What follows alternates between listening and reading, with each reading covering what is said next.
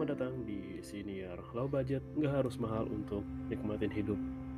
Hmm, rekaman ini dibuat tanggal 10 Oktober yang artinya selamat Hari Kesehatan Mental Internasional. Dan gue mau ngebahas satu Twitter yang lagi rame dan itu di post 9 jam yang lalu. Jadi mohon maaf kalau emang suaranya agak bindang atau agak pelan. Jadi emang seminggu terakhir sih gue kurang sehat dan emang cuaca pancaroba itu harus buat lu ekstra jaga-jaga imun lo dan kesehatan lo banget. Dan uh, eh, gue mau ngebahas soal tragedi Kanjuruhan yang terjadi tanggal 1 Oktober kemarin dan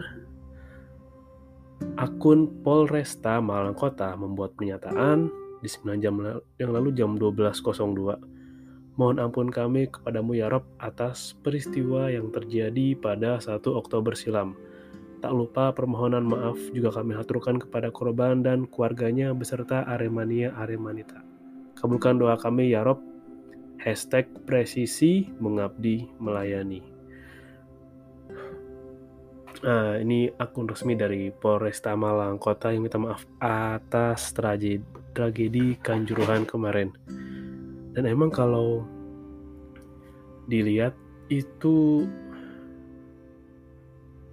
gue sedih sih nggak bisa dibohongin. Itu yang namanya gue tadi lihat juga video amatir jadi kayak kumpulan video amatir yang ada di sana.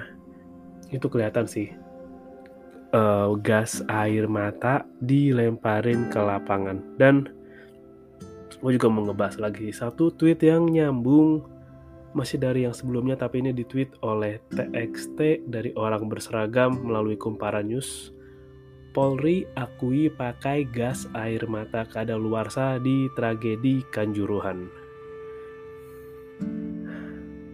Jadi garis poinnya adalah atau garis besarnya ya Polri mengakui bahwa mereka memakai gas air mata kadaluarsa. Nah,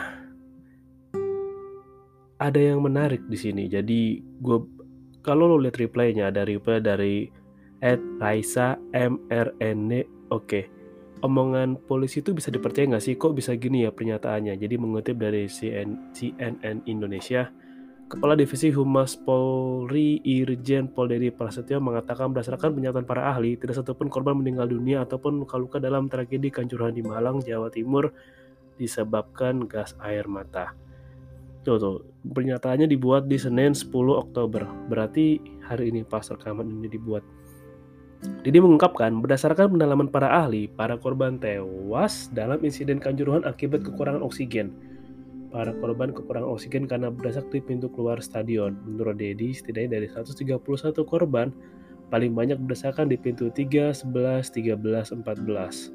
Ia menjelaskan gas air mata prinsipnya hanya menyebabkan iritasi pada mata, kulit, dan sistem pernapasan.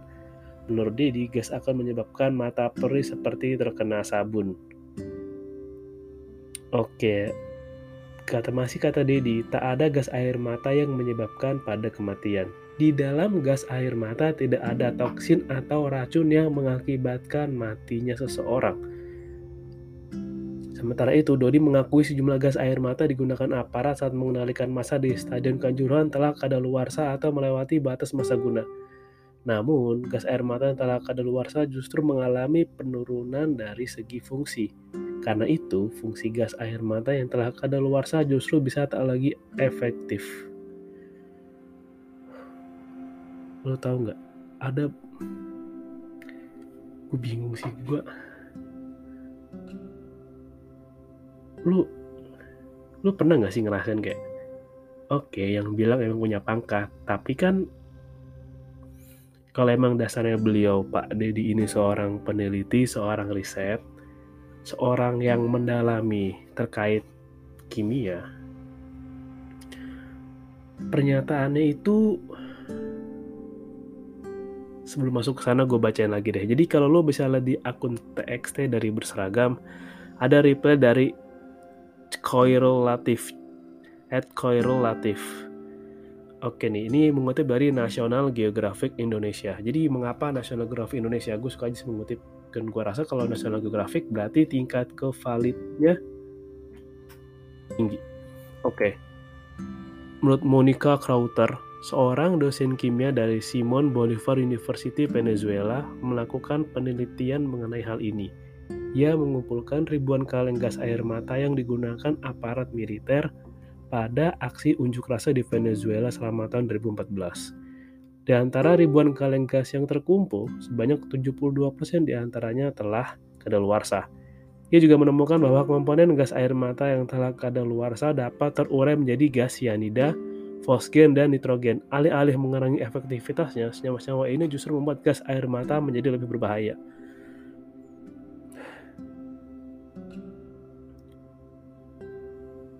lu pengen tarik nafas nggak bacanya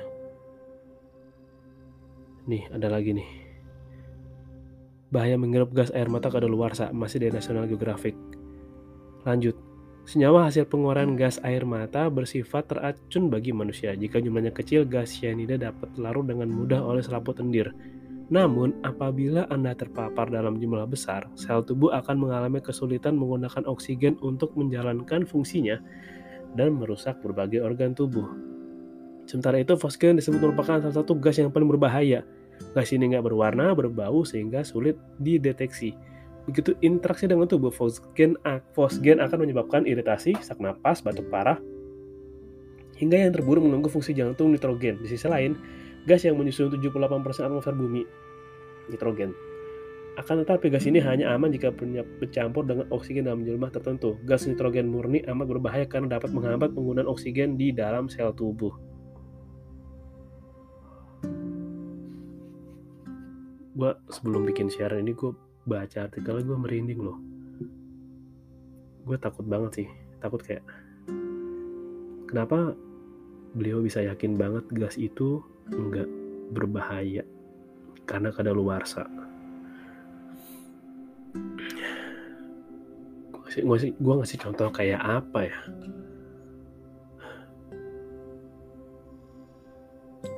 Karena gue juga kurang tahu mengenai kimia dan gue percaya bahwa di kimia itu ada batas fungsinya. Kalau gue analogiin di kantor gue dulu kan ada namanya hidran, eh sorry uh, gas pemadam ya. Hidran bukan sih namanya hidran, eh, hidran sama air ya. Apa alat pemadam yang semprot Ntar alat pemadam semprot gue cari dulu namanya alat pemadam semprot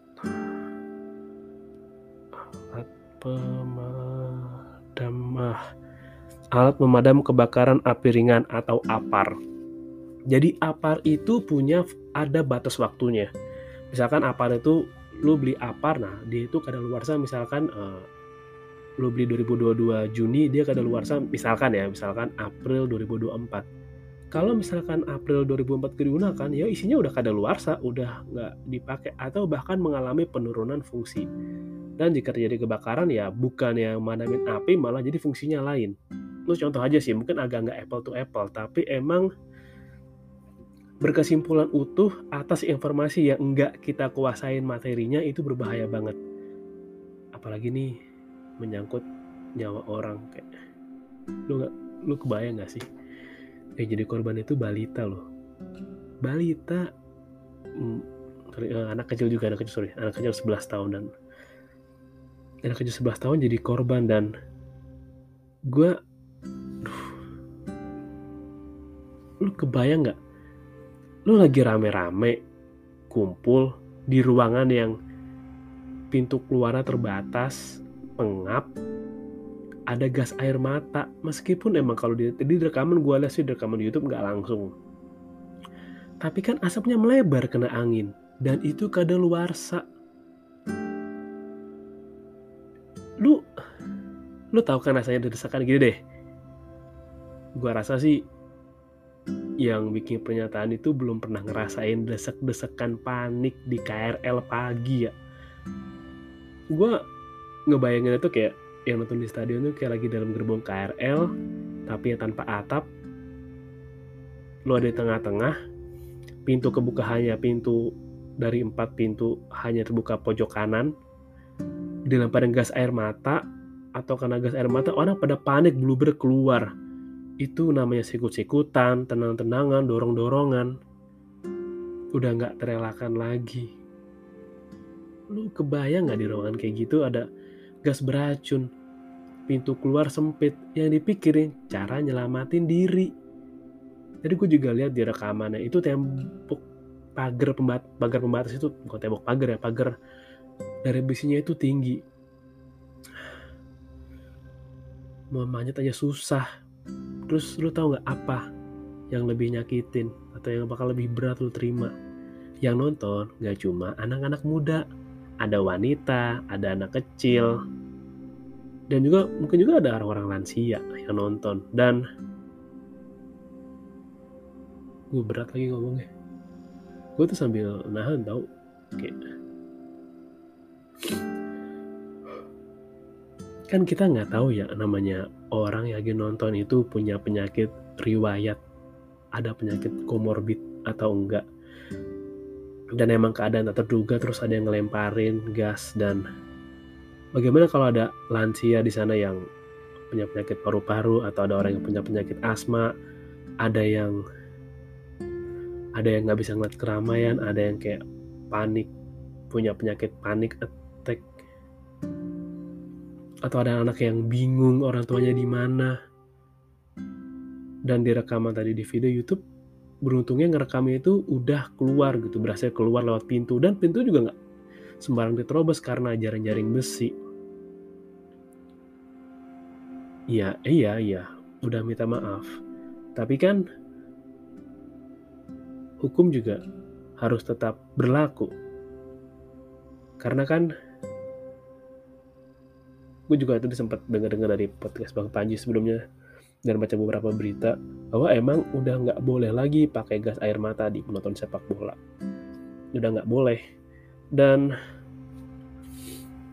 belum lagi soal ada potongan foto, cuplikan foto ada anggota TNI yang nendang penonton di stadion. Kayaknya TNI sih, seingat gue, sesedih gambar itu ya. Itu betapa chaosnya. Tapi yang paling chaos kan ya makin gas air mata. Asli. Lo tau gak yang sedih tuh kayak yang meme ada meme bukan meme sih kayak potongan gambar itu nah, bu aku izin pamit nonton bola ya terus nggak pulang lagi. Itu emang nggak kenapa ngena banget di gue gitu ngingetin gue dengan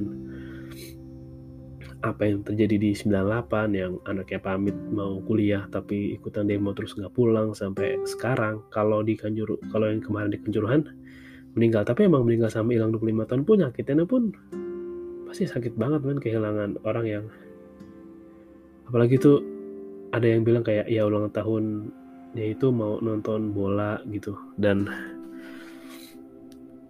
ada satu komen yang anjing banget. Jadi gue harap lo jangan pernah berpikiran tolol pandir kayak gini jangan pernah lo sekali-kali. Jadi ada yang reply ini replaynya anjing banget sih. Jadi lo jangan ikutin aja. Jadi kan di reply akun tweet yang Polres Polres Tamakota ada cuplikan tuh dari Ripple dari rumput liar ya. Masih mau nembak gas air mata ke tribun. Ada potongan video. Nih anak-anak. Anak kecil. Main ayam-ayaman di tribun. Terus ada reply anjing dari wajib sugi at wajib sugi ini tolol gue rasa buzzer sih dan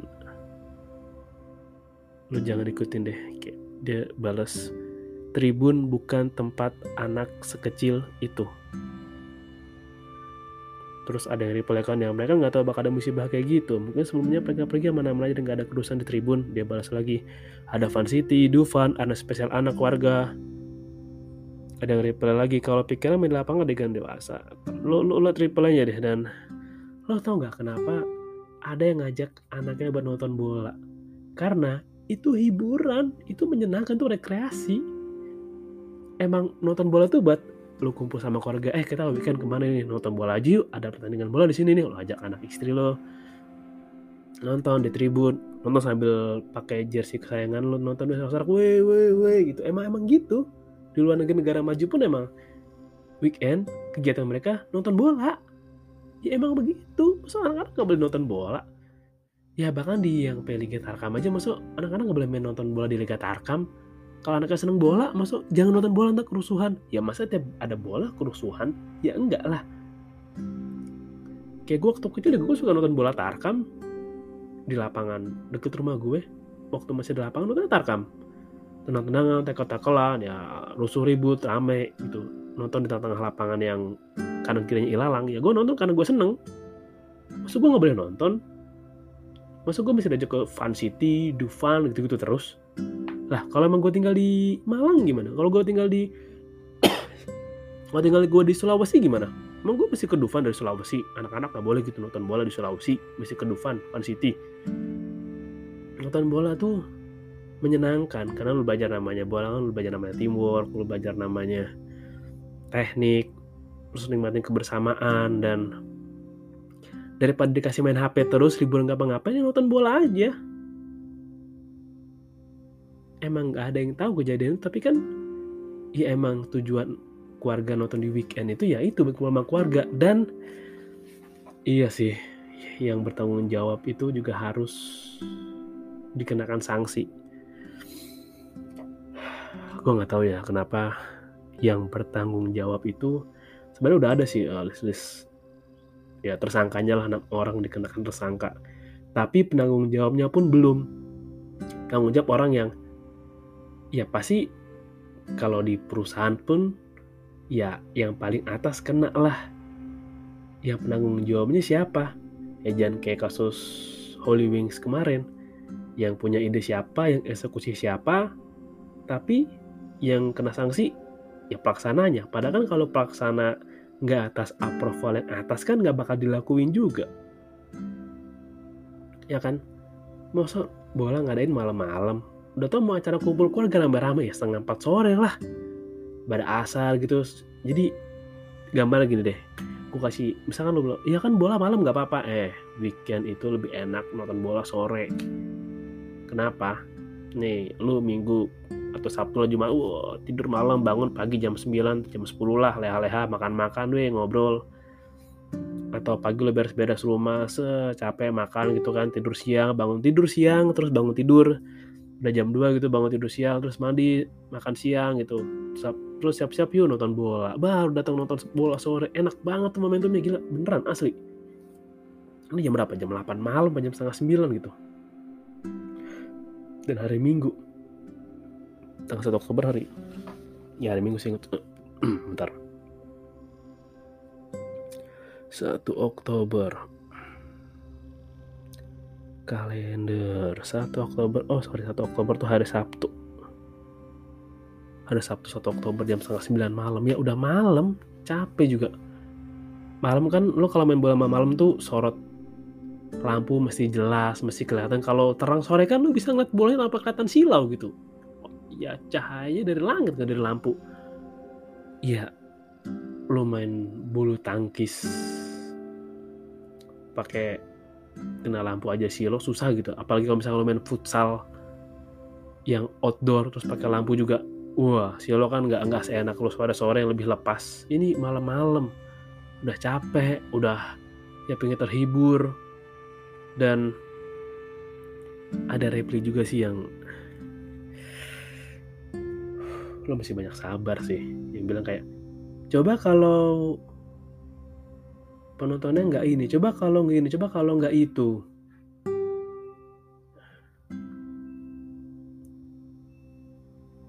jadi emang secara psikologis tuh kita tuh emang didesain untuk berkelompok untuk mempunyai tribe untuk berserikat berkumpul berkumpul atas menyuka atau berkumpul karena menyukai satu kesamaan yang sama yaitu sepak bola.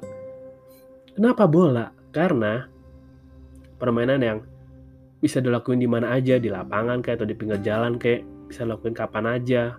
Bolanya gampang, syaratnya nggak banyak. Kalau main di lapangan bisa nggak perlu sepatu, bisa nyeker, siapa aja bisa nonton, bisa ikut.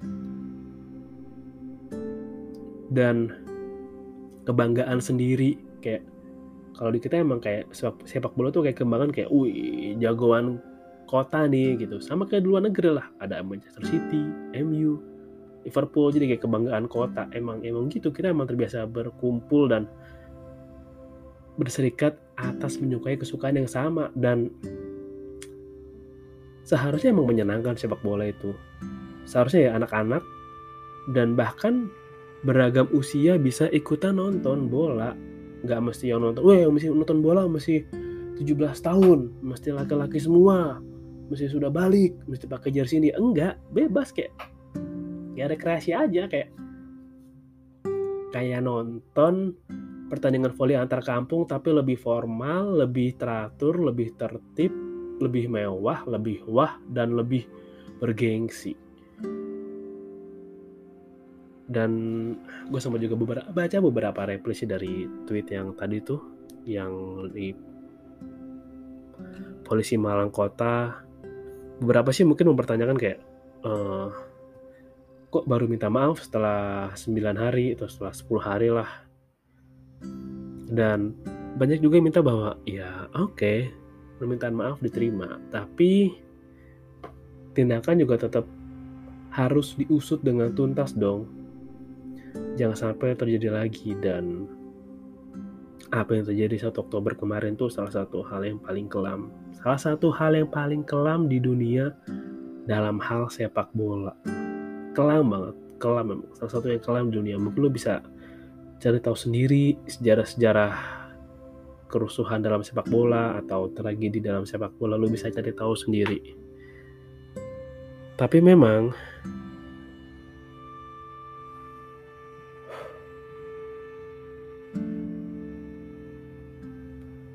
jangan pakai gas air mata kadaluarsa dan gas air mata itu bukan kayak lu beli ini deh gue logikan gini. Lu punya pengharum ruangan. Pengharum ruangannya kalau baru wangi kan? Misalkan expired lu beli pengharum ruangan Juni 2021 expirednya Juni 2023 jangan dikira gas air mata sama kayak pengharum ruangan yang kalau udah lewat masa kadaluarsanya wanginya udah nggak harum, udah nggak berbahaya, malah wanginya hilang. Nggak sesederhana itu. Gue takutnya sih, ya berlogikanya kayak gitu. Karena emang yang ketika demo kemarin pun ketika kena gas air mata pun perih banget dan mata harus diolesin dengan odol kan. Ini beda lo bikin mata perih. Satu bikin ruangan wangi, satu bikin mata perih. Itu aja kimianya udah beda. Nggak bisa disamain. Dan Jangan ada lagi yang bilang ketika lagi suasana berduka, hadirin yang berbahagia. Jangan dong, jangan. Sedih loh kehilangan saudara kita sendiri. Sedih. Terkena gas air mata yang udah kadaluarsa dan dibilang gas air mata kadaluarsa nggak berbahaya.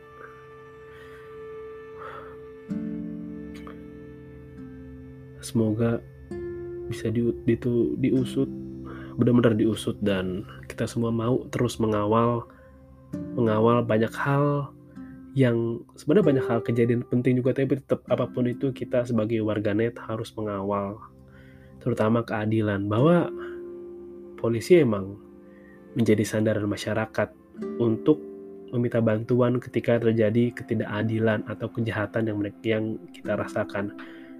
Tapi kalau dari tempat yang kita harapkan dan bersandar dipertanyakan kredibilitasnya, maka kita harus bersandar pada siapa? Masyarakat biasa. Semoga kita semua banyak belajar dari kejadian ini, terutama nggak ada lagi penggunaan gas air mata kadaluarsa atau gas air mata lagi saat menonton bola dan semoga menonton bola bisa menjadi kegiatan yang menyenangkan di akhir pekan dan berkumpul bersama keluarga, teman-teman. Atau bisa jadi, cara untuk melepas stres di akhir pekan. Semoga. Terima kasih udah dengerin dan salam low budget. Gak harus mahal untuk nikmatin hidup.